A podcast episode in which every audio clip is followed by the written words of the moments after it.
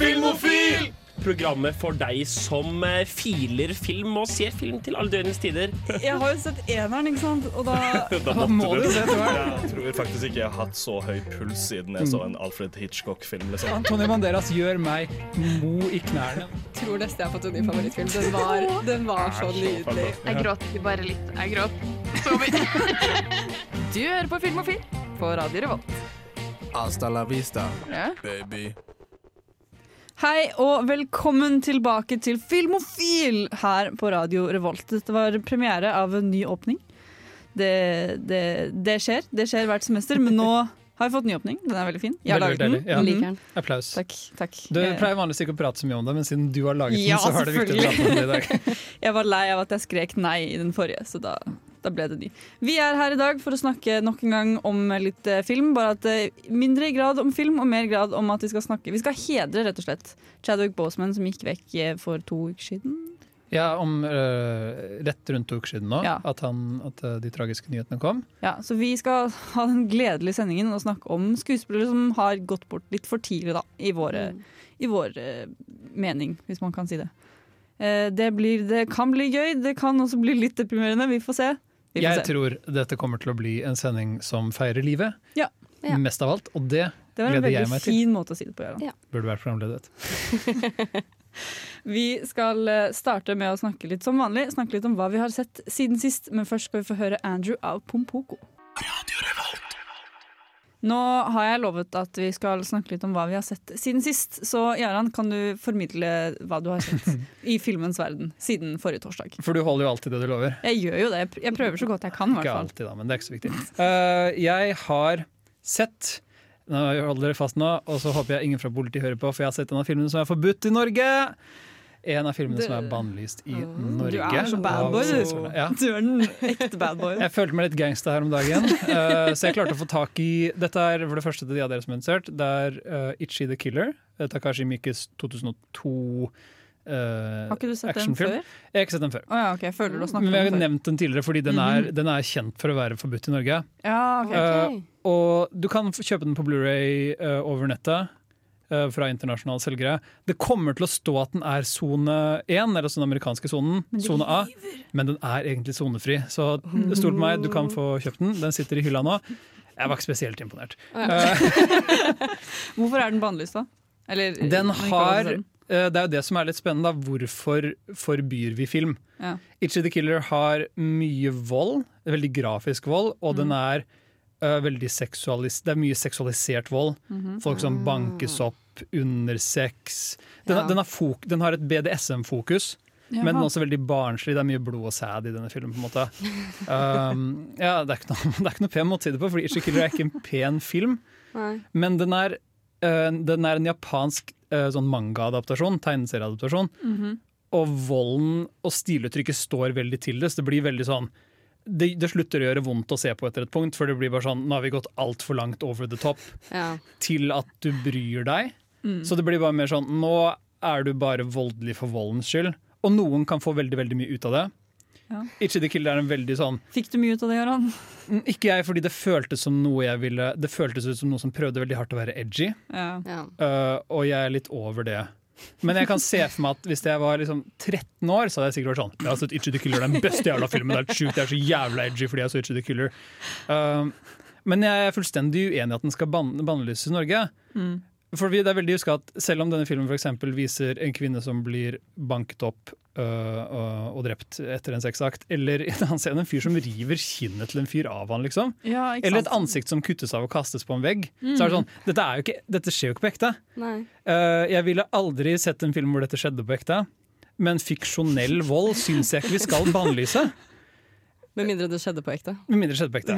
Jo, men altså, jeg had, jeg du- ja, men skjønner, men Ja, ja. Når, vi har, når noen har funnet på vold, så, så kan man la være å se det hvis man ikke er interessert. Mm. Men jeg syns ikke det skal være forbudt. Jeg vet ikke med dere, men er det sånn, Har dere en grense hvor dere tenker denne fantasien bør vi forby? Nei, ikke nødvendigvis. Men jeg, jeg vet ikke hva, hvor ligger terskelen på bannlyse filmer i Norge, egentlig? Er det bare det hvis det er seksualisert vold og det blir, går over altfor mange grenser for at det er komfortabelt å se på? Er det der Det er to filmer som er forbudt i Norge i dag. Det er Itchy Ja. the Killer, Ja. og så er det Serbian-film fra 2010. Ja, den den, har jeg hørt om. ja, den har jo blitt forbudt bl.a. med grunnlag i norsk barnepornolov, som er også helt latterlig og veldig juridisk problematisk. Ja. Fordi det er ingen faktisk barneporno i, i en Serbian-film, men en del av plottet handler om barnepornografi. Så det, det er ingen barn som utnyttes i produksjonen av filmen, Nei. men den handler om en filmproduksjon som utnytter barn. Aha, så derfor, Ja. på grunnlag av det, da, så har Ja, de bannlyst. så de bannlyser på en måte den fiksjonelle filmen som skjer i ja. Så, og Det er veldig juridisk problematisk, syns jeg. da Fordi du kan straffes under norsk barnepornolov for å være i besittelse av noe som ikke er barneporno. Mm. Eh, som føles som et slags justismord. Og ja, delvis, ja. veldig keitete. Vi burde sikkert prate mye mer om, om hva sensur betyr for fiksjonsfilm. Kanskje vi kan ha en hel sending om det? Ja. Hvem vet? Men Vi, Itchy the Killer, bare veldig raskt. Ja. Eh, barnslig film, kanskje den er for noen. 13 år gamle Jaran. Ja. Vi går videre med en låt av Torleif Bratval. Vi skal høre 'Bygderevolusjon'. My name is Václav Marou. I'm a Czech producer, screenwriter, director, and you are listening Film og Film. Film og film her, altså, på Radio Volt. You are listening. Mm, film og film. Eh, jeg har også sett film sin sist. Jeg fikk, eh, For første gang så jeg Casablanca her Oh. forrige uke. Og det er liksom, jeg vet jo at Casablanca er en sånn film som Jeg leste et sted det er sånn, eh, alle som sier at de ikke liker svartfilmer eller gamle filmer, de liker Casablanca. Mm. Og jeg skjønner nå hvorfor. Ja. Ja. det er sånn, Jeg fikk samme vibes som når jeg har sett liksom Shawshank Redemption. Ikke at de er samme filmer i det hele tatt, men det er vanskelig å si noe vondt om Shawshank. Det er det samme med Casablanca, føler jeg. Eller det er, man kan si noen ting om Casablanca, men det er sånn jeg skjønner at den er veldig godt likt blant de aller aller fleste. da. Det er en skikkelig fin film. Veldig. Det er det. Den, Den- var litt sånn ja, Og den, og den holder seg overraskende bra, fordi den har et skript som er eh, egentlig veldig klisjétungt. Du skjønner hva jeg mener? Sånn, Det er derfor det appellerer til så sykt mange også. ja, men, men det, er, det er bare sånn, den har veldig mye sjarm, og alt i den funker så godt. Mm. Og, og historien beveger seg sånn greit, og det er et bra karakterstudie til å være liksom en film fra 45. Det var en skikkelig solid film. Ja, rett og slett. Det er liksom vanskelig å si. Det er, det er vanskelig å si noe sånn vondt om Casablanca. Så den, jeg var glad for endelig fikk sett den. Jeg føler jeg, det, har brukt, det har gått litt tid, men nå Nå er jeg her. Nå har du sett både Casablanca og Night of the Hunter. Er du på vei inn i sort-hvitt-territoriet? Nei, fordi greia er jo at jeg fikk masse filmer av deg, Aran, i sommerferien. Og nå prøver jeg å se de, da, ikke sant. Så da, da, nå har jeg gått gjennom to av de. Jeg har sånn fem igjen, kanskje. Flink er du. Ja, jeg, jeg føler meg ganske flink. Men eh, Marte, hva er det du har sett siden sist? Jeg har sett de tre første episodene, de som har kommet ut nå av sesong to av The Boys. Den serien som er på Prime. The Boys eller The Boy? The Boys. Ja, okay. Snakker vi om hitskrekkfilmen The Boy? Ja, Ja, fordi jeg hører det, og så tenker jeg, tenker jeg på den hele tiden, fordi du nevner den konstant, Jaran. En av de beste filmene laget i Nei. Nei, men den, altså, Jeg syns jo den serien er helt fantastisk, og sesong to også starter jo med et pang, akkurat som første sesong. Det er jo en sånn superhelt nest, Nesten en sånn parodi på superheltuniverser, sånn Marvel og alt det der. På hvordan superhelter hadde vært hvis de hadde vært i dag. Altså plassert i 2020. At det hadde vært kommersialis kommersialisert. Er det et ord? det er et Ja, ord. det er et ord. Flink er du. Eh, og at det er veldig sånn du, De tjener penger på det. Det er et stort selskap som eier alle superheltene og selger dem til stater i USA. Og så er de egentlig bare totalt drittsekker, og de Men- er så maktsjuke. Kan de noen ting? Ja, de har superkrefter. Oh, ja, og de har det, ja. Ja. Okay. Vil du si at uh, The Boys er den naturlige måte, oppfølgeren til uh, Dreamworks-filmen Megamind? Ja, men ja, kanskje på et, til et visst punkt. Men min, nei, kanskje minus den der Pixar-sensuren, for denne serien er ikke Her er det liksom slenge ut genitalia Ja. og be folk om å sitte litt Slenge ut Ja, genitalia. Nei, men den er, den er veldig rå, og den er veldig ja, ærlig. Altså, det er ikke noe Det er bare sånn maktmisbruk. Det er mye metoo-saker i den, så den er veldig sånn Hva hvis du ble metoo-et av The Flash? Ja, Hva ville du gjort da? Ja, det er nesten det. Men uh, dette var jo en snakkis allerede i fjor når første sesong kom ut. Den, Ja. den, det virket som den slo veldig godt an. Ja, det Jeg har dessverre ikke Amazon Prime, Nei. så jeg er på en måte enda til gode å få sett den. Jeg har aldri hørt om dette her, jeg, egentlig. Og du har ikke det engang? anbefales Nei, jeg har ikke det. virkelig. Men uh, er det liksom hva, hva gjør at det, Hva trekker deg til, altså særlig nå da når vi lever litt i et dystopi fra før, en Ja. serie som har så utrolig kynisk menneskesyn? Jeg tror det jeg, jeg vet ikke helt, egentlig. Jeg tror det bare er sånn at det ble et litt sånn friskt pust. Mm. I superheltsjangeren, I liksom. superheltsjangeren, for jeg er veldig glad i superheltsjangeren selv. Men uh, The Boys var noe jeg bare egentlig ramla på, altså, eller ramla på faktisk. Uh, kom over tilfeldigvis, oh. og så begynte jeg å se første sesong, og så var det bare sånn wow, det her er dritkult, og det er sånn det er akkurat sånn jeg ser for meg at superhelter hadde vært i dag, så det treffer så veldig bra. De har klart å gjøre jobben sin. De, de har virkelig klart å gjøre jobben sin. Men er Carl Urban i hovedrollen som en fyr uten superkrefter? Eller, Ja. mm. Så det er, Han er eh, jo alltid bra, herregud. du, har, du har de som på en måte prøver å stanse dette store korporative universet da, Ja, av er så superhelter. Så de vil liksom Stick it to the fuck man. the system. -huh. Det er det egentlig den serien går litt ut på. Har du sett uh, flere filmer da, Marte? Ja, jeg har sett uh, Don't Worry He Won't Get Far On Foot. Med Joaquin Phoenix og Jonah Hill og Jack Back. Sant det, han er Ja, også i den. Han er også med i den. Ja. Er det den Gus Van Sant-filmen? Ja, ja, det er det. Mm. Mhm. Og den var veldig, veldig fin. Det er, Den er, jo jeg syns den er litt pretensiøs, men den er veldig fin. ja, men, ja, men det er Gus Van Phoenix. Sant oppsummert. Ja. Ja, men det er Jo- Joaquin Phoenix. Og jeg, jeg ble veldig overraska av Jonah Hill i den filmen, for jeg syns han spilte den så sinnssykt bra. Altså, det er ikke noe komedie eller noen ting. Det er jo en sånn biopic om eh, Å, herregud. hva Om en tegneserieskaper. Ja, om en tegneserieskaper. Som det er da ganske- Joaquin Phoenix. Ja, Mm. som er ganske kontroversiell i sin tegneserie. Og hele, det følger liksom historien om hvordan han ble eh, funksjonshemmet, altså lam fra livet og ned, og måtte yeah. sitte i rullestol resten av livet etter et bilulykke. Og da i, etter den ulykken så måtte han bli edru, for han var alkoholiker også. Så det er liksom hvordan, hvordan han fant tilbake til seg selv. Da. Ja. Joaquin Phoenix på sitt beste, med andre ord. For han spiller det er en, er sånn, Vi hadde Joaquin Phoenix-sending for ikke sånn altfor lenge siden. Han spiller skikkelig godt sånne dårlige mennesker. Ja. Sånn, som er litt sånn, De har det kjipt. Dypt som er inne, Sånn, så- alkoholikere, litt rusmisbrukere, joker og litt Ja. sånne ting. Han spiller de veldig godt. Vi konkluderte med at dypt inne så sliter nok Joaquin Phoenix, og så er han Ja, veldig flink til å hente det ut i tide. Ja, uff. Men han, han spiller så bra i den filmen. Også, Ja. Johnny Hill er litt sånn, han er en sånn religiøs fyr som skal liksom hjelpe han. Og Ja. han sitter der bare sånn Ja, men nå Du ser Gud! Og det er liksom, Man må liksom bare le litt av han. Ja, ja. Men han er, han er, han er god. Jeg syns han er veldig god. Nå høres fin ut. Det var filmene vi har sett siden sist, for det er ikke flere i studio med oss i dag, dessverre. Det er bare meg, Jaran og Marte som er her i dag for å snakke om film. Men nå skal vi få høre 'Trouble of Death by Ungabunga' før vi går videre. Filmofil presenterer nyheter fra filmens og fjernsynets vidstrakte verden. Gå nyhetstanker! Og i dag så er det Marte som skal eh, presentere nyhetene for oss. Det stemmer. Første nyhet er at Borat 2 er spilt inn i hemmelighet. Very nice! Very nice! Men hvordan, eh, første spørsmål. Hvordan har de klart å spille den i hemmelighet? Det, Sånn var ikke, det var ikke sagt til noen. Ja, det Nei, men sånn, Er det ikke noen som har gått forbi dem på gata og sett at oi, de spiller inn en film? La oss legge ut bilde av dette på nettet. Jeg tror det er fordi hele konseptet rundt Borat 2 er jo det at Borat eh, etter eneren har blitt verdenskjent kjendis. Så i toeren da så går han undercover som andre karakterer. Så det er Sasha Baron Cohen som spiller Borat, som spiller uh, undercover andre intervju.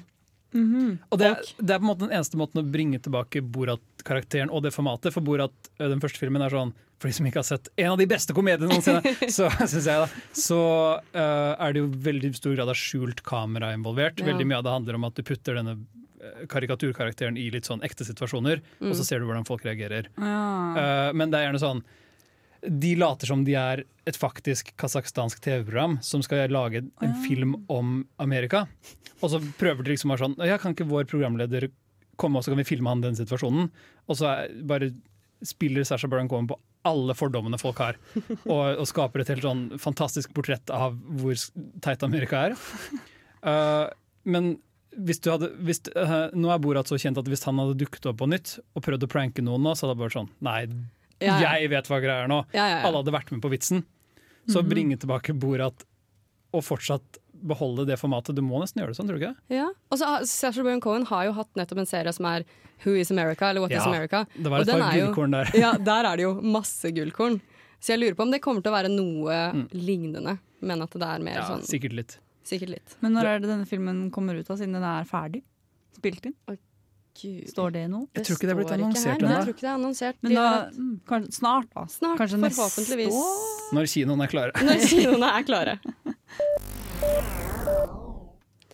Neste nyhet er at i går så kom den nye traileren til Dune ut. Denis Villeneuve. Av Denis Villeneuve. Hvordan man uttaler navnet hans, kommer til å være en egen Kan være en egen sending. Hvordan si vanskelig regissørnavn? Ja. Har dere sett traileren? Jeg har sett traileren. Jeg så er- den i går. Hva er reaksjonen i? Det er veldig sci-fi, og det er veldig kult. Og det er jo Merch altså, sci-fi, merch wow. stjernespekket cast. Det er jo helt sinnssykt hvor mange som er med i den. A-lister Dave Bautista og andre folk. Og bare David betyr du egentlig brydde deg om. Ja. Ja, Det er ikke bare at Patrick Stewart skal komme tilbake, for han var i David Lynch-filmen. Men det var, eh, jeg husker det var en venninne av meg som så traileren på kino. Hun og en annen jeg kjenner. De er begge to veldig store fans av Timothée Chamalet. Chamalet, Chamalet. Ja. Så hun kom hjem etterpå og så sa hun sånn til meg eh, Jeg spurte hvordan hun syntes filmen var. Den egentlig skulle se Og så var hun sånn OK, men traileren før! Det var Og så kom eh, Timothy Chalamet på og var sånn, Oh my god, det er det beste noensinne! Så Timothy Chalamet-fans kommer til å like den veldig godt. Du vet hva den heter Chalamet, du sier Chalamet for moro skyld. Heter han. Chalamet? Chalamet, Ja, nei, jeg gjorde det med vilje, faktisk. Fordi, nei, jeg gjorde det ikke med vilje. Fordi jeg vet faktisk ikke hvordan man sier navnet. Vi, både i vår topp 100-liste og regissørsending så pratet vi om hvordan Denis Villeneuve har enda til gode å lage noe dårlig. Mm. Så jeg, jeg Mm. tror det er helt naturlig å forvente at Dune kommer til å bli en solid film. ja, det tror jeg. Men, Det virker jo sånn. men jeg var sånn den, David Lynch sin Dune-adoptasjon kan man si veldig mye om, men den er skikkelig kreativ. Den har sånn helt bisarre visuelle ideer. Ja. Og den- Når var det den var? Fra 80-tallet en gang. Ah, ja. Ok. Og Hodorowskis Dune som aldri ble laget. altså sånn bare konseptarten for at den er helt sånn insane. Mm. HR Geiger jobbet på den, liksom. Eh, Han som lagde Alien-kostymene. Ja. Etter at den filmen ikke falt gjennom. Eh, Så det føltes litt generisk sammenlignet med hvor det er sånn, Jeg føler jeg har sett alle disse tingene før. Ja, ja. Eh, så jeg bare håpet noen skulle Men det kommer sikkert masse flere trailere, masse flere ja, bilder. det tror jeg òg. Ja, Og så er sikkert ikke traileren helt, represent Nei, det er helt- å representativ dømme. av filmen. på en måte Ja. Og så hadde den eh, det var, Hva var den låta de spilte? Et Pink Floyd sånn Brain Damage. Ja, det var Pink Floyd bare remixa. Mhm. Og jeg hater når de gjør det. Når de remixer en rockelåt som blir skikkelig sånn eh, Sånn stemningsfull og dyster. Men den passer jo sånn til traileren, ja Ja, da. jeg syns alt er så flaut. Du om det. Jeg, jeg syns det ser ut som vi får en god kinofilm.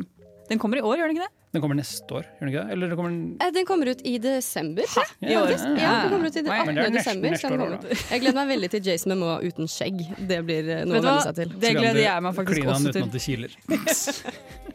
Med det så går vi videre og hører 'Disclosure' av Nei, 'Birthday' av 'Disclosure'. For et program i burra med både klasse og stil. Du hører på Filmofil. Og vi i Filmofil er tilbake med flere nyheter for deg. Marte, go! Yes. Nyhet nummer tre er at Jul i Skomakergata blir kinofilm! Filmadopsjonen vi alle har ventet på. Med Alle ba om! Aksel Hennie som skomaker Andersen og Anders Båsmo Christiansen som tøfløs. Det hadde vært veldig gøy! Det er, det er et rart konsept å adoptere til film. Ja, egentlig, men det er sikkert fordi det har vært så mye mas rundt skomak ja, Jul i Skomakergata de siste årene om at det må være en sånn julekalenderserie. hver jul så kommer det noen gamlinger sånn 'Jeg håper dere ikke dere viser Blåfjell i år, for i år må dere vise Skomakergata'. Sånn, Gamling er sikkert din generasjon. eller. Nei, det er sånn besteforeldrene mine. Nei. Er det det? Jeg føler det. Jul i Skomakergata er fra 70-tallet. Men den gikk jo da jeg så 1979. på TV, liksom. Ja, men her er et, et sånn pro tip. Av og til så kan du bare resirkulere Ja, julekalenderen din. Wow, Mm. Kom det ikke ut? Wow, shit, ass. En litt mer eh, verdenskjent nyhet, da, for å si det sånn. Ja, Hallo, Jul i det, Skomakergata, liksom. det er ganske stort. Kanskje den til og med kommer til USA. Hvem vet. Ja. Christmas in the. Shoemaker Street. Oh yes. Eh, men det er at eh, den nye Mulan-filmen, som nå har kommet på Disney Pluss, den kommer 4. september, den har fått veldig mye, veldig mye hets. Og den har fått liksom boikott Mulan, uh, har blitt en hashtag på Twitter. Hvem er det som vil boikotte Mulan? Uh, alle, egentlig. Fordi hun hoved... Blant annet pga. hovedpersonen. Hun, eh, hun heter Liu Yifei. Hun har tydeligvis også vært Hun har kommet med kommentarer om at hun støtter den kinesiske myndighetene, og bla, bla, bla, og at de som filmer, de støtter kinesiske myndighetene. Og den har blitt filma et sted hvor de er veldig kjente for å liksom Hva er det de er kjente for? De er kjente for å drive med menneskehandel, eller hva det er. Ja. Så det er mange som reagerer på dette, da. At det er ikke helt kult at de støtter dette i Nei. filmen, på en måte. Kina er liksom de, de, de, Ja, men det, det er et land som, uh, som er veldig politisk uh, i gråsonen. I hvert fall for oss, for vår del. Uh, men de har, altså den klamme, rare hånda til de kinesiske myndighetene den kan føles over filmproduksjonen. Den har gjort det i lang tid. Mm. Og det er litt trist at Mulan skal få masse hets for det, fordi de, den prøver jo bare å være inkluderende og ha Ja. representasjon. Ja. Den er sånn, Vi har et cast fullt av kinesiske skuespillere, vi har filmet i Kina. Mm. Ja, så ingen skal kunne anklage oss for whitewashing, men så, men så var det sånn Og så støttet vi kanskje et folkemord. Yikes! Ja, de kunne liksom valgt et annet ja, det, er sånn, det er jo veldig fint at Mulan finnes i den forstand. At liksom representasjon, Mm. filmer i asiatiske land, masse asiatiske sku- skuespillere og sånne ting. Mm. Men de kunne valgt et litt annet sted, da. Ja, det det finnes jeg jo bedre steder i Kina. Det er også gitt fullstendig etter for uh, sensurregimet til de kinesiske myndighetene.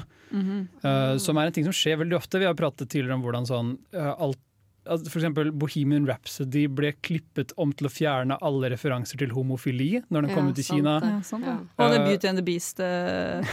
Det at han hadde på seg kjole, det kan man ikke vise i Kina. Det er sånn, Disney er allerede dårlig nok på sånn virtue signaling, og så får de ikke engang lov til å prøve det i Kina. Eller de kunne bare sagt nei. Typ, uh, kine kinesiske myndigheter ville også klippe om Once Upon a Time in Hollywood til Tarantino. Hæ? Uh, ja, når den kom ut. Hæ. Den Hva var vil bare, de klippe? jeg vet ikke, den var visst ikke fascistisk nok for dem, eller noe sånt. Ah, Uh, så, så, men, Tar- men da sa Tarantino og studio nei. Og Ja. til slutt så ga de seg, og den ble vist i Kina, tror jeg. Eller kanskje ikke. Men poenget er at de valgte å ikke klippe den om. mm. Fordi eh, da verdsatte man artistisk integritet mer enn det kinesiske markedet. Ja. Ja. Dette er en av de mest befolkede landene i verden. Mhm. Jeg skjønner at man vil ha kinopengene derfra. Absolutt. Jeg, jeg forstår det, men det, ja, det er Det er lettere at å klippe ut noe så lite som bare en dansesekvens i en Disney-film, enn liksom halve jo, men det, hand, det handler om å gi etter for bøllene. Ja, altså. Ja, det, jeg, syns, jeg syns det er trist at sånn som Disney setter penger over det, det går på en måte imot det når de prøver å være sånn Nei, vi er på alle sider, vi er her for Mm. alle, vi er inkluderende. Og så er det sånn Men ikke Kina. Vi, pe, peng, pengene snakker alltid høyest, da. Ja, Ja. det er trist å se.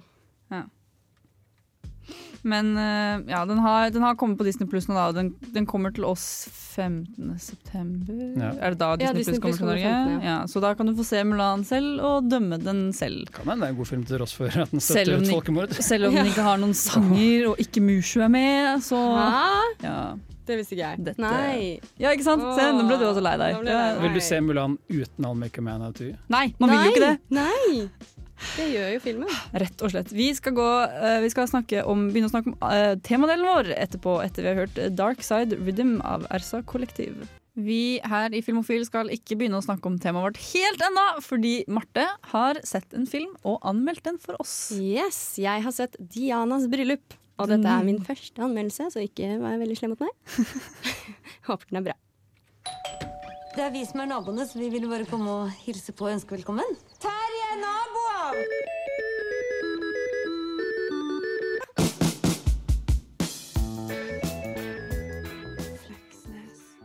Samtidig som prinsesse Diana går ned kirkegulvet i sitt bryllup den 29. juli 1981, gifter de nybakte arbeiderklasseforeldrene Liv og Terje seg.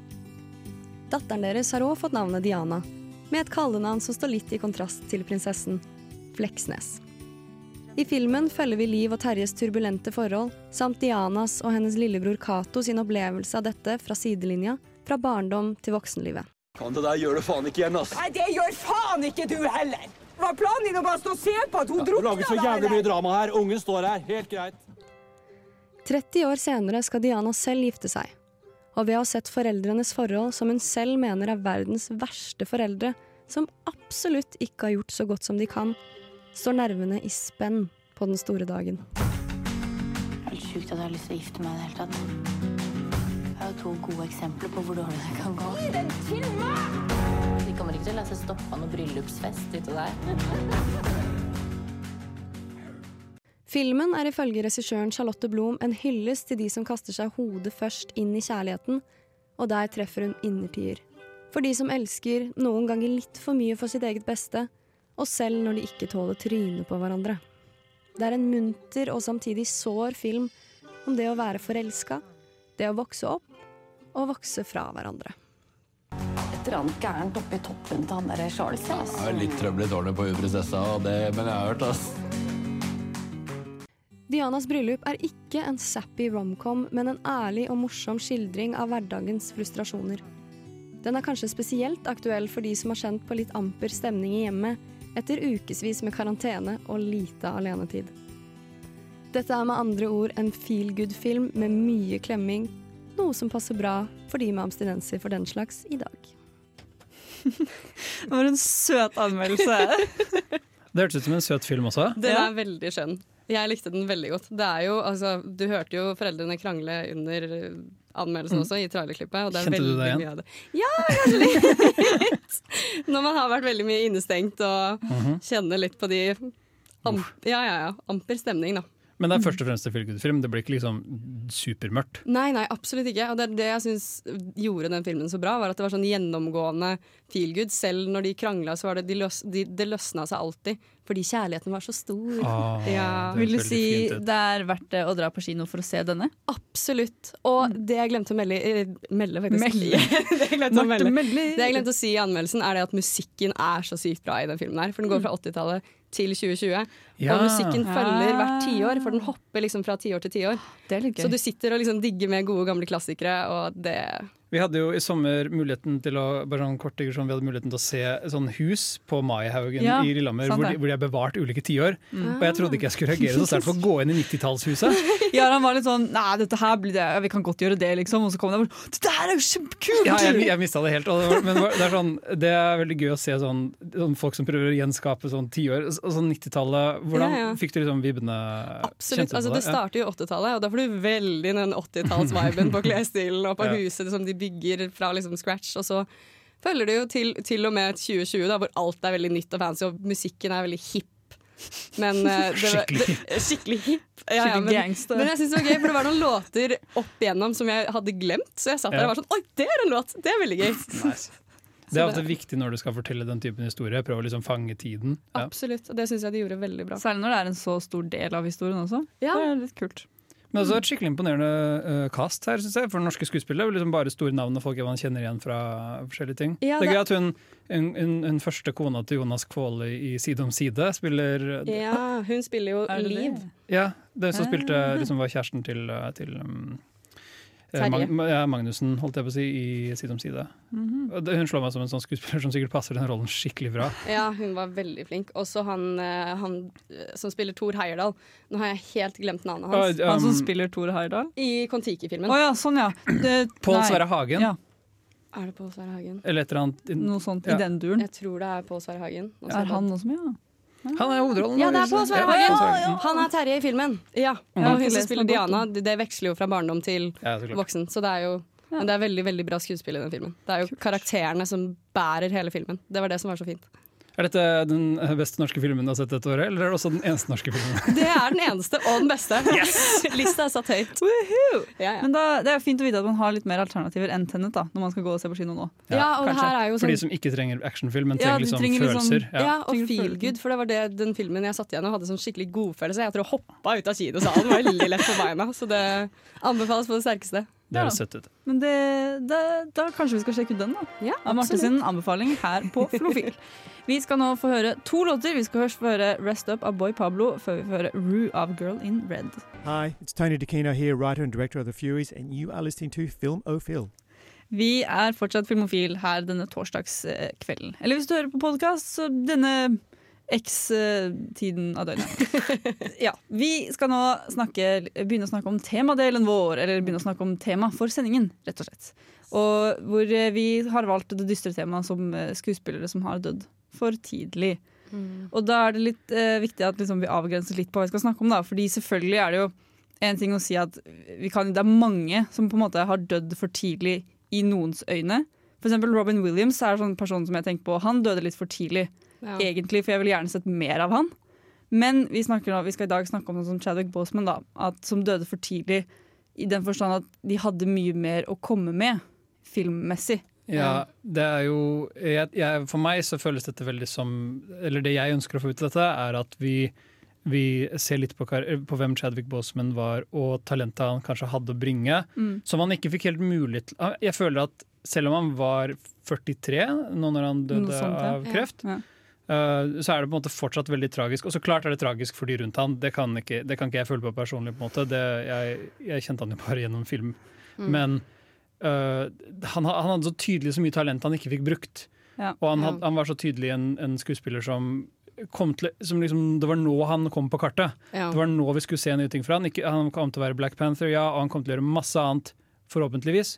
Men så det det føles som en karriere som ikke fikk blomstret helt. Ja, Mens. Robin Williams var sånn allerede en, Han, altså, Det var hadde, jo fått, kjempetragisk. han hadde jo fått masse Han lagde masse filmer. masse og, filmer, ko- standup. Ja. Liksom, Og masse hadde, forskjellig. ja, han Ja, hadde virkelig fått minst. vist alt. Ja. Det, er vel, det er vel de sånn Når Robin Williams døde, så var det veldig lett å liksom sette sammen hans største verker og Mm. virkelig si at se på det han hadde, har gitt oss. Mm. Mens med Chadwick Boseman så blir det mer som et, sånn, et tomrom som ikke var helt fylt. Ja, For, enig.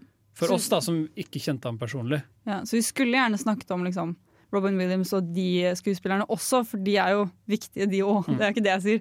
Men det er mer de karrierene som liksom bare plutselig tok slutt, da, egentlig, og alt potensialet som bare ble borte, vi skal Ja. fokusere på i dag. Ja, det er jo for mange måter som har gått bort tragisk, så vi, Ja. vi, vi holder oss til Eller det vi, det vi prøver å si, er at vi kommer til å måte, holde oss til, de, til skuespillere, da. Ja. Spesifikt, mer enn noe annet, når vi snakker om på en måte, talent som ikke fikk utfolde seg. Og vi skal måte, se litt på, på den konstellasjonen av, av ikoner som jeg opplever at Chadwick Boseman går litt inn i nå, når han, Mm. Ja. etter at han er gått bort. I hvert fall særlig på måten han gikk bort på også, eller bare alt rundt, Ja. egentlig. Det var ordentlig tragisk, Ja. altså. Ja, Men vi skal snakke om alle disse muntre temaene, litt, eh, litt sånn generelt om ja, dette temaet. Og vi skal også få en topp tre inni her, som blir litt mer munter. Det kan jeg love, for den har jeg laget. Det er bare å glede seg. Gleder meg. Det er bra, Marte. Det er bra én i studio gleder seg veldig mye. Men eh, ja, Så det er bare å bli her på Filmofil, og så skal du få høre masse, masse god prat om film og bra, bra skuespillere. Bra folk, egentlig. Først, eh, men først skal vi få høre Harry Palms av Baron Woom.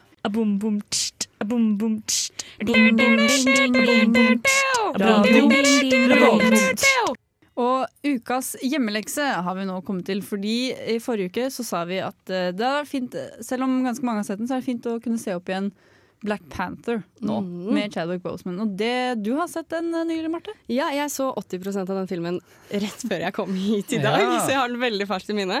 Men eh, er overraska over hvor dårlig jeg husker karakternavn. Men jeg husker Altså, det er jo kong T'Challa, som er uh, Chadwick Boseman Som er Det ble veldig omvendt. Chadwick Boseman spiller kong T'Challa. Så godt spiller han at du følte Ja, at han det var er samme person! Det er kong T'Challa som spiller Chadwick Boseman. Nei, men twist. Så han tar jo over som Black Panther etter faren sin. Ja, det fordi er jo sånn den Black. Panther er på en måte en myk oppfølger til Civil War, den Ja. forrige Marvel Captain America-filmen. ble vel introdusert i Civil War, Ja, egentlig. hvor, for det der er han og faren hans i, i FN-bygget når det ble utsatt for et terrorangrep. Ja. Så faren til T'Challa, som jeg glemte Han husker ikke navnet på nå. Kong T'Chaka. T'Chaka var det. Um, mhm. Jinx. Nei, ikke gjør det på lufta. Han blir sånn, Nå kan ikke Jenny prate på lufta. Uh, han dør i det terrorangrepet. Mm. Så, så ja, Black Panther åpner med at T'Challa på en måte må steppe opp og, og ta over for faren sin. da. Mm, de introduserer han i Civil War, og så får han liksom sin egen. Så får man liksom Hvem er han egentlig i Black Panther? Og da? hvordan fungerer dette Wakanda-samfunnet som han blir konge for. Mhm. For det er jo et litt sånn holdt på å si underground, men mer sånn unknown, ukjent Det er ikke underground, i hvert fall. Det... Nei. De har satt opp et stort sånn skilt sånn Det er ingenting forbi dette Ja, punktet. Snu. ikke sjekk regnskogen. Nei, så det er jo Wakanda er jo en by som er satt i det faktiske landet Wakanda, som er da i Marvel-universet. Jeg vet ikke om det er ikke et land Nei, det er ikke et land på ekte, men det, det ligger et sted i Afrika, på en måte. Ja. Eh, Og der har de veldig mye av dette vibranium. Yeah. Ja, jeg så filmen i stad. Kjempebra hukommelse. eh, og da har sinnssyk teknologi som bare kan alt, egentlig. Kunne løst verdensproblemer, men de velger å holde det til sitt eget land fordi de gjør det så bra selv. Eh, og så kommer det da folk som Andy Serkins, for eksempel, som spiller den første villen vi møter i denne filmen. Spiller den veldig, veldig bra. ja, han er, Han er jo god i alt han gjør. Andy Serkis er sånn skuespiller som Ah. spiller med hele kroppen sin. Ja, absolutt. Han er jo så vant til det fra Ringenes Ja, det, er, på en måte hans skuespillerstil. Ja. Ja. Men uh, En ting er å prate om hvordan, hva denne filmen er som en Marvel-film, men Ja. å prate om hvordan fordi den, den, er, den er mye interessant å by på som et innlegg i Marvel-serien. Den var med på å styre, ta serien et stykke videre, men den var også en viktig film for, uh, for det, det det betydde for noen å få en stor stort super, superheltkarakter i Ja. en såpass populær franchise. Ja. Det hadde mye å si for ganske mange. Det var grunnen til at Black Panther ble så utrolig stor som den ble. Ja. Ja, ikke, den nødvendigvis, ikke nødvendigvis fordi dette var Wakanda forever. Ja, men det var sånn, den resonnerte skikkelig med en demograf som vi egentlig ikke er representative for. Nei. Uh, men det å se den igjen nå etter at Chadwick Boseman har gått bort Ja, jeg, jeg kjente at det var et sånt sukk Ja. i meg når, han, når jeg så ham første gang. Så var jeg bare sånn Og så er han hele den, hele den scenen hvor han holder på å dø, Ja. og ser faren sin, og, og, og han, faren prater om sånn 'du må finne din egen vei, min Ja, sønn'. Og det er veldig sånn og det, det resonnerer veldig Ja. med i dag også. og Det blir, off, nei, det var, jeg ble veldig lei meg. Det, Det tror jeg på. det er tungt å se den igjen nå etter hans død, Ja. men jeg syns det er en veldig fin Mm. Eh, han, han gjør det så bra i den filmen at det er jo en man skal ikke si, Det er en veldig sterk film. Ja. Uavhengig av at han døde, som var sterk før. Er Særlig rolleprestasjonen rollepresentasjonen hans. da. Ja, herregud. Han, han er veldig dyktig, og det er, på en måte, det er alltid så trist at det er, en, på en måte, det, det er naturlig å prate om det nå som han har gått bort, men også Mm. veldig leit at man kanskje ikke får øynene opp for det før han har gått bort. Mm. Fordi fram til han døde, så satt man på en måte bare og ventet på det neste han skulle gjøre. Ja. Mens nå, når man vet at det ikke kommer noe mer, så som du sier, da, man, man merker et sånn Å, så utrolig leit. Mm. Det, var jo en, det var jo faktisk noe der som har gått tapt. ja, absolutt. Ja. Det er litt sånn Det gir kanskje Black Panther en ny dimensjon man ikke helt ønsket seg. Ja, Ja. særlig, særlig hvis man ser det i lys av det. Da. Det var sånn Jeg spurte hun ene jeg bor med om vi skulle se den før sending i dag, og så var hun sånn Du kan sitte og se på den i sofaen, men jeg kan, sitte, jeg kan sitte på kjøkkenet fordi jeg har ikke lyst til å se den en gang til, for jeg kommer bare til å begynne å gråte med en gang. Ja, det, er litt, det er litt den stemningen den har nå også. Men uh, det er jo verdt å se den da for, for rolleprestasjonen og hva den har betydd. Sånn. Det er jo ikke Man skal ikke unngå å se den, egentlig. Samtidig, selv om Black Panther ikke er en dårlig film, så er det på en måte fortsatt bare en Marvel-blockbuster. Ja. Mm. Så jeg er litt sånn Det er så trist at han ikke legger Altså, Black Panther betydde sykt mye for sykt mange, men sånn rent øh, hva skal man kalle det, talentmessig så tror jeg måte, det er trist at det blir skutt som hans største rolle. Ja. At han aldri fikk muligheten til å liksom, vinne en Oscar for en eller annen sånn helt De fikk jo, Black Panther fikk en Oscar, da. Men Den fikk en eh, Oscar, ja, det er sant. det var for sånn kostyme. Ja. Tror det, ja. Ja, så det var jo ikke hans Oscar, da. Men ja. Han var med i filmen, og han hadde på seg det kuleste kostymet. Ja. Uten tvil det kuleste kostymet. Med de flotte skoene hans som What are those? Å nei. Ja. Ja. Vet du hva, alle, alle filmer har lov til å ha en sånn, En sånn- bom, bare sånn Ja. totalskivebom. Det det er Black Panther sin. Mm. Ja. Eh, det, det var Black Panther. Se den hvis du ikke har sett den. Den er, den er, den er god. Hvis du har Jeg liker den veldig godt, i den hvert fall. Før så kan du grine litt og se den igjen. Ja, du kan grine uansett, egentlig. Vi skal nå få høre 'Make a Problem' av Osu Lei. Hei, jeg er eh, Agnes Kittelsen, Og jeg er Aksel Henning, og det er viktig at uh, dere hører på Filmofil. filmofil. Veldig viktig at akkurat du hører på Filmofil her på Radio Volt. Særlig i dag, for i dag prater vi om skuespillere som døde litt for tidlig. Ja, det var Ja, OK. jeg bare tar over jobben din. ja, det, var, det er det du gjør, ja. Mm. Men eh, vi har snakket litt om eh, Chadwick Boseman, som gikk vekk her for en stund, eh, ikke så veldig lenge siden. Eh, og da er jo et naturlig spørsmål, siden Black Panther var en såpass stor film som den var, og det er Marvel, og Marvel de vil alltid tjene penger, så de vil lage flere filmer. Mhm. Hvordan skal du gjøre det videre nå med hans karakter i dette universet? Ja, for du kan, du kan ikke bare være sånn «Øh, Black Panther, hvem var det? Hæ? Hø? Uh. Ja. De har liksom, Alle de gjorde husker jo han, på Ja, de, og det, de gjorde en stor greie at han også kom tilbake til Thanos-snappet i, Ja. i, uh, i Endgame. Ja, sant mm. Og, og Wakanda er blitt en viktig del av det cinematiske Marvel-universet. Ting har liksom Ja. skjedd der. De har bygget veldig mye opp rundt Wakanda. Ja. Så, så de kan ikke bare fjerne den karakteren. Men det ville også vært veldig veldig leit om, om man skulle liksom kjøre en, en sånn Måtte putte ansiktet til Chadwick Boseman på noe annet da, og late som han ikke var død. skjønner du? Ja. Det hadde blitt veldig vanskelig å se på, tror jeg. Det hadde også hadde blitt sånn uncanny CGI. Absolutt. Uh, Hvis det ikke hadde vært så mange scener, så hadde det jo gått fint, eksempel i Star Wars. Så det, det er, man tenker jo over det, men det er sånn med dagens teknologi, på en måte, så er det, det hadde vært verre før, da. For å si Ja. sånn. Ja. Det er ikke den verste løsningen man kan ha. Nei, men en hel film. Altså Hvis hele Nei, Black ja. Panther 2 Da hadde det jo vært litt sånn Han er, han er jo hovedkarakteren i Black Panther. Ja. Men ikke hele filmen. Jeg føler det er greit hvis man gjør det på noen få scener, og så bare lar man karakteren dø. Ja, sånn, ja. På en måte. At jo- man har noen scener sånn at man bare forklarer hvorfor. Fordi det hadde vært rart hvis de starter Black Panther 2 nå med sånn Å ja, nei, han døde bare. Ja, det går ikke. Det er jo det jeg Ja. forventer kommer til å skje. En slags sånn Black Panther 2 kommer nå til å handle om at, at T'Challa dør. Skjønner Ja. du? Det kommer Ja, til å være åpningen mening. av Black Panther 2. Ja, ja. Noe annet ville vært rart. Ja, absolutt. Jeg håper bitte litt at de kanskje gir drakta videre til søsteren hans. Uh, Shuri. Ja, Mhm. Shuri. Ja. Det hadde vært kult. Det hadde vært veldig kult. Og, og hun er en gøyal karakter, liksom. Hun har hatt, vært morsom og, og artig, og hun er sterk og kan slåss. Og liksom, de har etablert henne som en badass allerede. Mm. Og hun er jo nærmeste i slekt med T'Challa også, Mm. så da, det er jo naturlig at det kommer til å skje. Hvis du hadde fortalt Black Panther uh, 2-historien, da, Mm. og med at uh, f.eks. en skurk vet ikke, en eller annen skurk dreper T'Challa, så ville det vært veldig naturlig at hun går ut etter hevn. Skjønner du? Ja. Mm. Uh, så jeg, det, hvis, fordi det er urealistisk å tro at Disney legger franchisen død. Det tror jeg ikke kommer til å skje. Dette er et selskap som Det prater vi om på nyhetsstykket, de har ikke noe problem med å gå over lik, de. Nei. De sliter ikke noe med det. Men det er jo, da har vi på en måte plottet, da, og vi har på en måte hvordan han naturlig skal bli borte fra franchisen. Men det som er spørsmålet, da, er jo hvordan de åpner hele dette. For det må jo være noen scener Ja. med han i, føler jeg. Det Ja. må være sånn fordi det hadde vært litt rart hvis han bare, sånn som jeg sa i sted, at plutselig så bare de starter filmen og så bare sånn Å ja, nei, han døde bare, og så er det ingen som er noe sånn Kanskje de starter med begravelsen, da, men jeg, treng, jeg føler vi trenger et sånt emosjonelt Ja, øyeblikk hvor vi ser Ja, et Ja. farvel. Ikke bare sånn Ikke bare for uh, Sånn- T'Challa, men også for Chadwick, på en måte. Ja, ikke sånn bare Han døde i det magiske landet offscreen. Ja. Det er sånn, jeg vet ikke om dere Det hadde vært litt rart. I Indiana Jones 4, da, så Sean, Sean Connery var ikke død engang. Men de bare sånn, de skulle de bare, Indiana Jones bare sånn Ja, pappa døde jo. En sånn rask replikk. Sean Connery spiller faren til Indiana Jones. Ja. Sean Connery levde, men han, han skulle bare ikke være med i neste filmen. Så de var sånn Nei, han er død. Så han døde offscreen.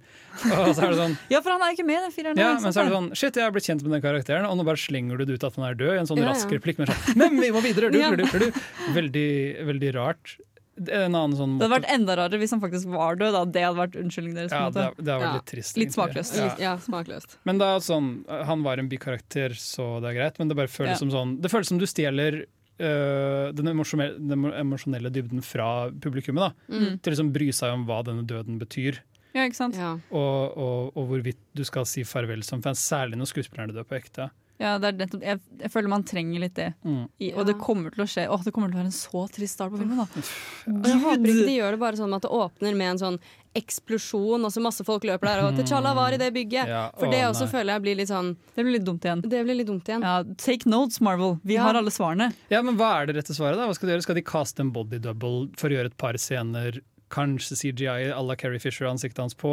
Jeg ville sagt det er det mest naturlige At det er den mest naturlige veien å gå for Marvel. På en måte, Fordi de Disney har ja. pengene for det, og de Ja. har muligheten til å gjøre det. Og noe annet hadde vært liksom, De har sykt mange fans, Ja. og hvis de gjør det feil, da får de høre det.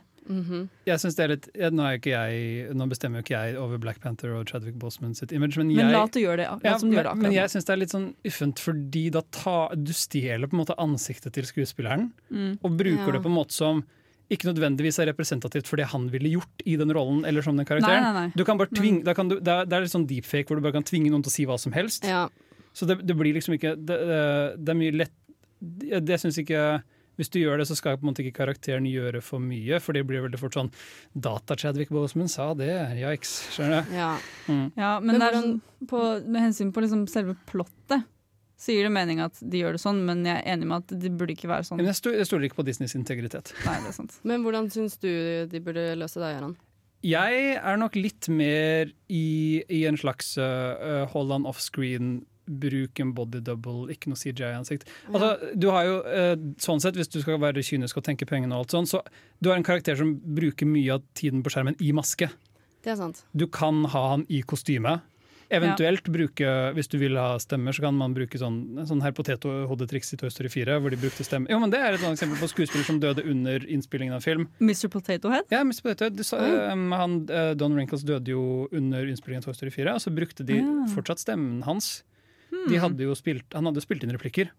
Ja. Ah. Det var jo det de gjorde med Carrie Fisher i Star Wars for så vidt også. Ja. Disse er jo skuespillere som hadde kjørt løpet ut karrieren sin, da, Ja, ja. for all del, så det var kanskje mye mer materiale å hente derfra. Uh, men jeg, jeg tror jeg ville foretrukket det mye mer enn uh, et CGI-ansikt. Mm. For det er, det er noe creepy med det fortsatt. Å se Ja, liksom, at de døde skal gjenoppstå på skjermen Ja, er for vår underholdning. James Dean skal komme tilbake som CGI-ansikt i en film nå, bare sånn helt uten grunn.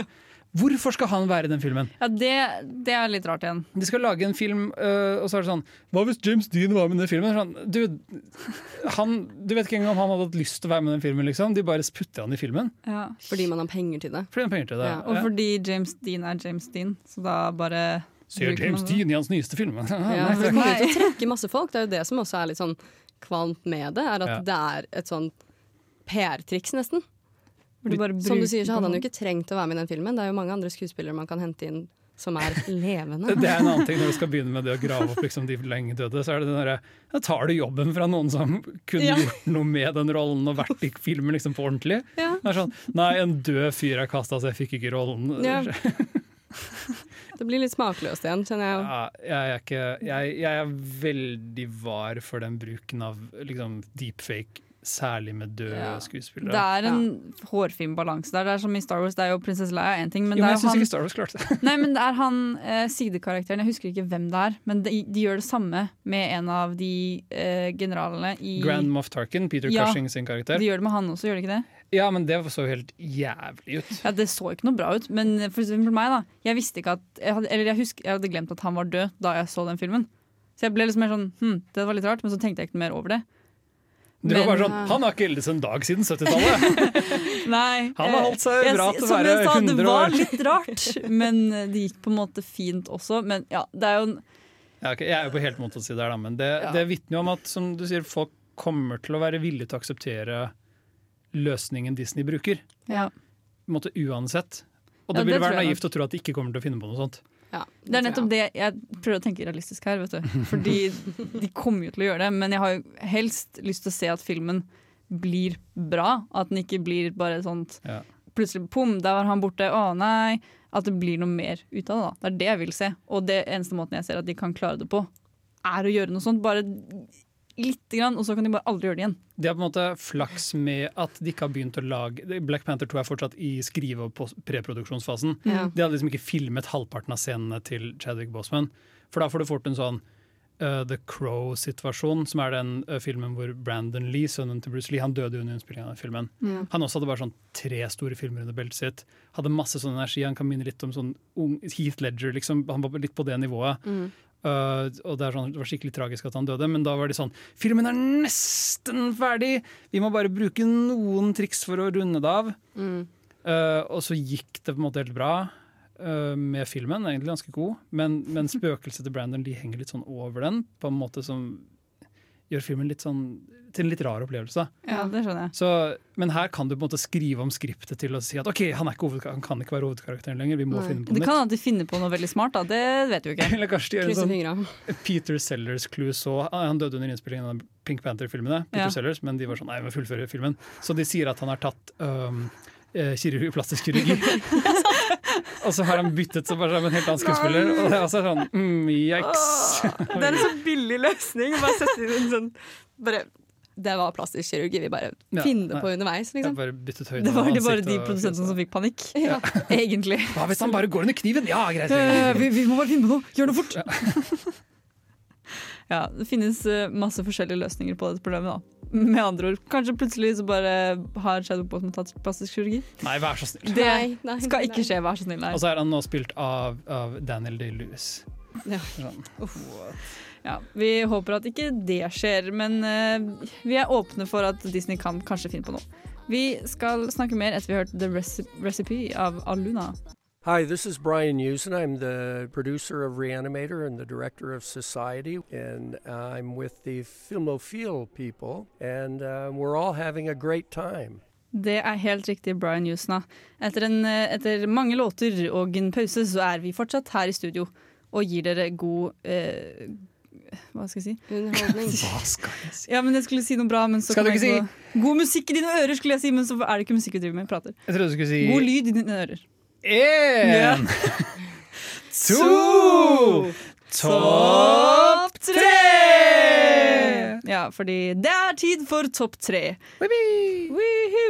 Det er en liste jeg har laget med inspirasjon Eller det, var, det er ikke jeg som har kommet på den. Jeg kan ikke, ta, Mm. kan ikke stjele den ideen. Det var eh, hun ene jeg bor med. Shouta til Silje. Hun eh, Mm. kom på denne ideen for meg da jeg sa vi skulle snakke om eh, skuespillere som har dødd for tidlig. Nemlig karakterer som har dødd for tidlig i filmer. Ah. Mhm.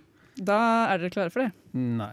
Men det er også noe med denne topp tre-listen at det skal sies. Eh, jeg skjønner at karakterer må dø litt tidlig for at man skal drive plottet. Jeg skjønner at det gir mening i filmene, Ja. men noen ganger så ser man en film er litt sånn Dust. Jeg vil ha mer av deg. Ja. Det er det på en måte Eller bare sånn Ja, dere skjønner. Uh, tredjeplass har jeg valgt å uh, la gå til uh, hun damen fra Psycho. Fordi Ja. jeg, ble, over, jeg ble skikkelig overraska Når, når Vivian Lee dør i åpningen av For hun dør jo med en gang. hun, Nei, hun dør liksom akkurat lenge nok til at du føler at hun er hovedkarakteren. Ja, men Først, samtidig første akt er på en måte opp til, Første akt er at hun dør, skjønner du? Ja, ja. Ja, noen spor, store spoilers fra Psycho her. Ja, men, uh, men ja, jeg husker første gang jeg så den, så ble jeg litt sånn Shit, hva, hva skjer nå, liksom? Mhm. hun døde, hun, jeg syns hun døde litt for tidlig i den filmen da jeg så den. Men igjen, jeg skjønner at det var veldig bra at hun døde da da. ja, men det er sant, du nevner for Psycho er jo en film som gjorde det til en greie, liksom. Ja. Og bare Uh, Psycho er ansvarlig for, inspirert, for at George R. R. Martin driver og dreper folk i Thrones. Ikke sant. Eh, plass nummer to eh, går til Boromir i 'Ringenes herre', altså Sean Mm. Bean. Ja. Fordi Boromir eh, har fortjent bedre. Ja, helt Fortjent enig. bedre! Han Nå høres det sykt ut Det er sånn sykt Denethor-ting å si. Si sånn, «Å, nei, sønnen min skulle ikke det er far, Faren min skulle dø! Ja. Ja, egentlig også eh, Boromir i alt burde går, går egentlig den andreplassen til. Altså Sean Bean, mener du? I alt. Ja, hva var det jeg sa? Boromir? Boromir, Boromir i alt. Jeg husker når Boromir var med i Golden Eye. Det var sånn. Ja, men egentlig Sean Bean i alt, og fordi alle karakterer han spiller, ender opp med å dø, liksom. Med en gang. Ja, det er rart. Ja. Veldig rart. Det Ja, det er litt gøy. Eh, og så er det førsteplassen går til eh, konen til han gamle mannen i Up. Ja, å, Å, nei. Ja, ikke sant? Ja. Mhm. Det Det er de første første ja. elleve minuttene av filmen eller noe sånt. De første ti minuttene, tror jeg. Ti minutter av Ja, filmen. elleve. Ja. Ja. Kanskje. Ja, jeg, vet, jeg tror jeg tenkte fem, og så ble det ti. Og så Ikke elleve, det var akkurat ti. det samme. Gre- Greia er at Hovedhistorien til Up handler jo ikke om henne. Nei, ikke men sant? det er sånn, den montasjen i Den har så stor emosjonell Ja, du bryr deg det. altfor mye. Jeg gråter hver gang. sånn, ja, Ikke sant? Hver gang. måtte det skje, liksom? Ja, Ja. det hadde jo Men det, det er faktisk et eksempel på at det, det er bare teit.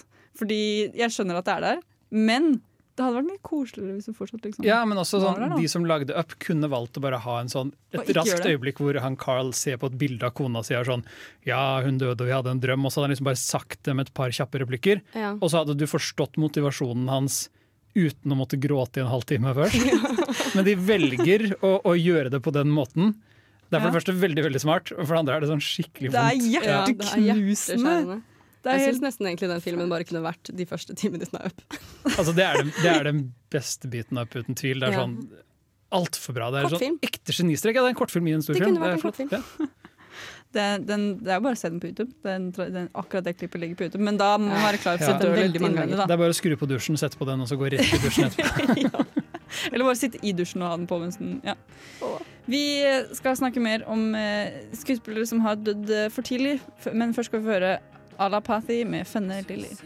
Vi har vært litt inne på eh, Ja, vi har egentlig bare vært inne på mest Chadwick Boseman og hans eh, død, og hva som, eh, hva som skjedde rundt dette.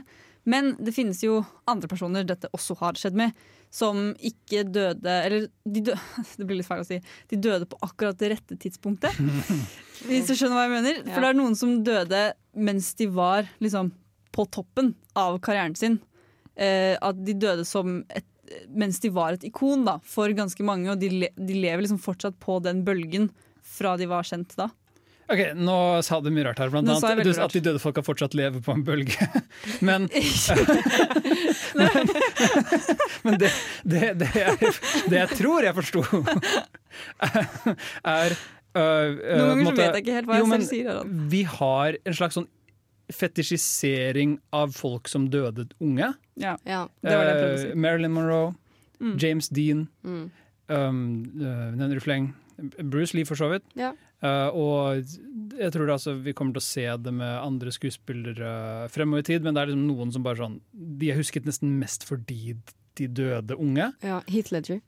Absolutt. Uh, jo, men jeg tror, jeg tror ikke Heath Ledger-kulten hadde vært like stor hvis det ikke var for at han fikk At liksom, Han gjorde en skikkelig ikonisk rolle, The Ja. Joker, og så døde han. Mm. Uh, Men ja, det er det. Det er, det er litt fælt å si, men de døde på en måte akkurat på riktig tidspunkt i karrieren sin. Da de var Ja, men jeg tror også noen av de er blitt ikoner etter at de døde. Jeg Ja, tror, sånn, ja, jeg ja. tror Et erkeeksempel må jo nesten være Marilyn Monroe. Ja. Hun hadde på alle måter vist at hun var en dyktig skuespiller, og hun hadde etablert seg som et sexsymbol før hun døde. Hun var liksom Mm. masse sånn et Playboy-shoot og, Mm. og masse bilder av henne. Hun var på en måte allerede kjent. Men det å dø mens du har sexsymbolstatus, måte krystalliserer bildet av Marilyn Monroe. Vi fikk, aldri sett, vi fikk aldri se gamle Marilyn Monroe, skjønner du? Vi fikk aldri Mm, se den slitne Marilyn ja, Monroe. hun var jo helt åpenbart Levde en litt hard livsstil. Vi fikk liksom aldri se det ta henne igjen på en naturlig måte. Så, så det skapte en sånn Det bare opphøynet henne enda mer. Mm. Og det er veldig det er, veldig, det er litt det vi pratet om tidligere, men det er, det er litt uffent kanskje å, å begynne å romantisere ting først etter at de er døde. Ja. Jeg tror det tristeste er jo også det at man fikk aldri se Sånn som vi var inne med på Chadwick Boseman. Det at man ikke fikk se hva de hadde som potensial Ja. i andre filmer og andre sjangre. Ja, men da er det jo på en måte bra at vi hyller dem for det de faktisk har gjort, da. Ja, Mm. absolutt. Jo, men sånn James Dean han hadde tre filmer under beltet, og han er eksplosiv i alle tre filmene. Han, er, han viser masse dybde og bredde og sånn utvilsomt dyktig. Hvilke filmer var det? Han gjorde først East of Eden, Eh, som er en relativt stor uh, Liza Kazan-film. Og så gjorde han uh, Rebel Without a Cost', kanskje Ja! den mest kjente Ja. Dean-filmen. Og så til slutt var han i Giant, som er en sånn han er en birolle i den, da, men det er, den er nesten tre timer lang. tror jeg. Den er en stor stor film. Den er veldig veldig god. Det er sånn epos om de nyrike oljefamiliene i Texas, liksom. Eh, og eh, solid film. Solid, han er kjempebunnsolid i alle tre. Ja. Men vi, visste, vi fikk liksom aldri se han erobre verden. Og da var han bare 28 år Ja. da han døde? Eller, noe sånt. Eller eventuelt krasje og brenne og virkelig bare skjøtt. Du vet liksom ikke hva som kunne ha skjedd med den karrieren. da. Og da, da tror jeg det er veldig lett å si han var talentfull, så ergo han ville erobret verden. Mm. Men det er jo ikke gitt Nei, heller. ikke. Men det er veld, man kan veldig fort begynne liksom å lage en slags sånn ja, fetisjisering av de, da. Mm. Og han òg var jo liksom ung og vakker og, og, og, og flott og levde et, et annet liv skjønner du, enn liksom de oss vanlige Ja, ja. dødelige. Ja. ja. men det er det, Oss mortals. ja, men det er det bildet man begynner å male etter at det er bort, som kan være både veldig fint og veldig usunt på en og samme tid. Mm. Du får det oss til å tenke alle disse tankene? Jeg tenker litt på det, i hvert fall. Du tenker mye på det. Ja, men tenk sånn River Phoenix òg, liksom. Ja. ja, det er jo Ja. Å nei, ble du trist nå? Ja, nei, men det er jo det at uh, vi har jo dette bildet av de Det er på en måte, en, en, på en måte fint også, da, at vi har på en måte bilde av Marilyn Monroe da hun var flink og da hun var god, istedenfor å ha et slags bilde av henne hvor hun bare utslitt og gammel og ikke klart mer også. Ja, eller hvis det hadde henta henne igjen ti år senere, og det var da hun hadde dødd, da. Mm. Altså at, hun hadde hatt, at det var da hun faktisk pika. Nå kan man jo bare liksom synse og tenke seg Ja. til, men hvis det var da hun pika, og så etter det så var det bare downhill, Mm. så er det jo på en måte ikke, Man skal jo ikke si bedre, men hun ble jo sånn, sånn som du sier, liksom krystallisert i det bildet hun var. Ja. Og hvis det hadde henta henne sin Henta seg Henta henne inn Ja. i, At, etter at det hun hadde fått tid til å kjøre telekarriere i løpet sitt. Ja. Jo, men vi har alt se, Altså, det er sånn vi har fortsatt de skuespillerne som en gang var flotte og hotte, og nå på en måte har tapt seg litt. Mm. Vi har fortsatt glansdagene deres der. De er Ja, der ja, fremdeles, ja, vi kan fortsatt gå tilbake til de. Ja. Det er bare rukket å kjøre løpet. Ja. Jeg tror manageren til Elvis når Elvis døde, sa han sånn som 'Dette endrer ingenting', var det han sa når Elvis døde. Og det er sånn Den industrimaskinen, den vet å utnytte et dødsfall. Ja, Mm. Og, og, og vi svermer egentlig litt til det. Jeg, man gjør det på en måte selv òg. Det er veldig lett å, å, å- å bli trukket til på en måte tragedien bak James Dean, da, i like stor grad som du blir trukket til han Mm. som talentfull skuespiller. Ja, nei, uff. Uff og huff er det jeg har å si til det. Eh, vi skal eh, snakke litt mer om dette temaet, men først skal vi høre 'When You Fall' av Jorda. Hei, jeg heter Roar Uthaug, og du hører på Filmofil på Radio Revolt. Det er oss. Og eh, vi ser jo at det er ganske mange som dør i Hollywood. Og da kan man begynne å tenke på at det er kanskje en grunn til dette her. Og det er liksom Velkommen til Filmofils konspirasjonsteorier. Jeg vet ikke hva det var. Eh, men uansett, da. Eh, det er jo, jeg tror det var du som nevnte det, en eller annen gang, ikke på sending, at det er med en gang du så at Chadwick Boseman var død, så antok du nesten med en gang at det var pga. noe annet da, enn at han døde naturlig av kreft. I hans tilfelle så var det jo virkelig holdt skjult at han var syk. Mm. Og det er sånn egentlig imponerende med tanke på hvor aggressiv sånn kjendis- og paparazzi-kultur er. Ja. Du skulle nesten tro at noen hadde lekket det. Men det, det, jeg, den nyheten nådde aldri meg, i hvert fall. Men man så jo bilder av at han var syk. Mm. Og jeg tror mitt førsteinstinkt da når han var død, var at her var det sikkert rus involvert. Fordi de fleste store skuespillerne som går bort på den måten, er ofte Jeg husker når Philip Seymour Hoffman døde òg, så var det bare sånn Det er sikkert rus, og så var det rus. Mm. Selv om han er en skuespiller jeg hadde vel sånn megarespekt for, Mm. så var det bare gitt, liksom. Robin Williams òg. Rus. Ja, sant. Uh, og um, andre mot sånn Heath Ledger også, ikke sant? som vi nevnte tidligere. Som, han døde ung Mm. og talentfull, og man hadde masse respekt for han, og han hadde liksom endelig fått liksom en, Han var, kom til å bli Oscar-nominert! Ja. Og så rus. Jeg tror livsstilen i Hollywood bare fordrer det litt. Ja, det tror Jeg følte meg jo skikkelig skyldig da når jeg innså at jeg kanskje hadde dømt det litt raskt. uh, og det var ikke så kult, men uh, jeg må ta den på min kappe, absolutt. Ja, for det er jo ganske mange som har strøket med pga. nettopp nettopp dop. Og liksom bare kulturen i Hollywood er litt sånn Skjerp dere, Hollywood! Gidder ikke det her mer? Men det er jo mange som har overlevd det også, da. Som vi Mm. ser i dag, for eksempel Mac- Mac- Mac- McCulkin. Macaulay Ken? Macaulay Culkin. Maca- det? Macaulay Culkin. Best kjent som uh, Kevin hjemme alene. Yes. Eller han lille kiden i um, Jacob's Ladder. Ja, stemmer det! Sønnen i Jacob's Ladder. Det har jeg glemt allerede. Jeg tenker på det ganske ofte. Jeg, La oss ikke glemme The Good Son, hvor han forsøker å drepe Elijah Wood. Skjer det? Ja, de er, de er begge to sånn tolv år i den filmen, og så er, eh, så er kokken uh, så han, han er sånn adoptivsønn som kommer inn og prøver Han er sånn gjøkunge som prøver å dytte Daniel Radcliffe ut av redet, liksom. Det- Dan Radcliffe, ikke Elijah Wood? Nei, Elijah Wood, shit, ja. Nå du. Jeg blander de to hele tiden. Men uh, ja, nok nok om din uh, forveksling av de to. Men ja, man, det er jo noen som overlever, men det er litt sånn trist at det er det man tenker, da. Når Ja. man ser at har dødd i Hollywood. Ja, absolutt. Jeg, jo, jeg husker jo så godt når jeg hørte at Heath Ledger hadde gått bort. Ja. Og altså, det, han Jeg tror altså, Sånn som vi snakket om i stad, med sånn krystallisering av folk som går bort på topp, da, som vi vet om, Mm. eh, så har Heath Ledger blitt en av mine favorittskuespillere. Ja. Og det var jo etter The Dark Night Rises. Etter han spilte Jokeren. Ja, det, ja for det trekk, man trekker liksom til som vi Ja. til Man trekker litt til det, og man blir sånn man blir, så mye, man blir så mye tydeligere på hva som har gått tapt. Ja, og jeg Ja. satt liksom og gleda meg så veldig til alt annet han kom til å gjøre. For jeg syns måten han portretterte jokeren på, var så sinnssykt fantastisk. Ja, det er flott energi i, kjempebra. i den rollen. Og så og så setter du det opp mot sånn type Brokeback Mountain. Ja. Ten things I hate Ten about I hate you. about you. Jo, og- men så ser du også, sånn som i Heath Ledgers tilfelle, da, at den måten den, det livet han levde, og det å være skuespiller med den livsstilen, Mm. krevde kanskje for mye av han. Ja, det Og det å være en del av liksom, det kjendismiljøet, det var en del det, det, men det har i hvert fall blitt dannet et portrett i ettertid av at Heath Ledger kanskje slet psykisk fordi han hadde et veldig intenst liv. Mm.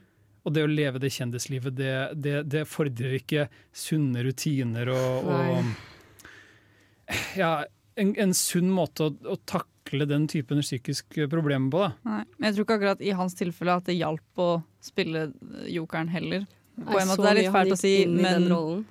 Ja, det er nettopp det. Ja, det er jo, man hører jo at alle de Jeg føler det er en greie at alle de som har spilt jokeren, blir litt gale av å spille jokeren. Jack Nicholson var gæren fra før. Ja, det, altså, unnskyld meg. kom, spilte han jokeren etter eller før Shining?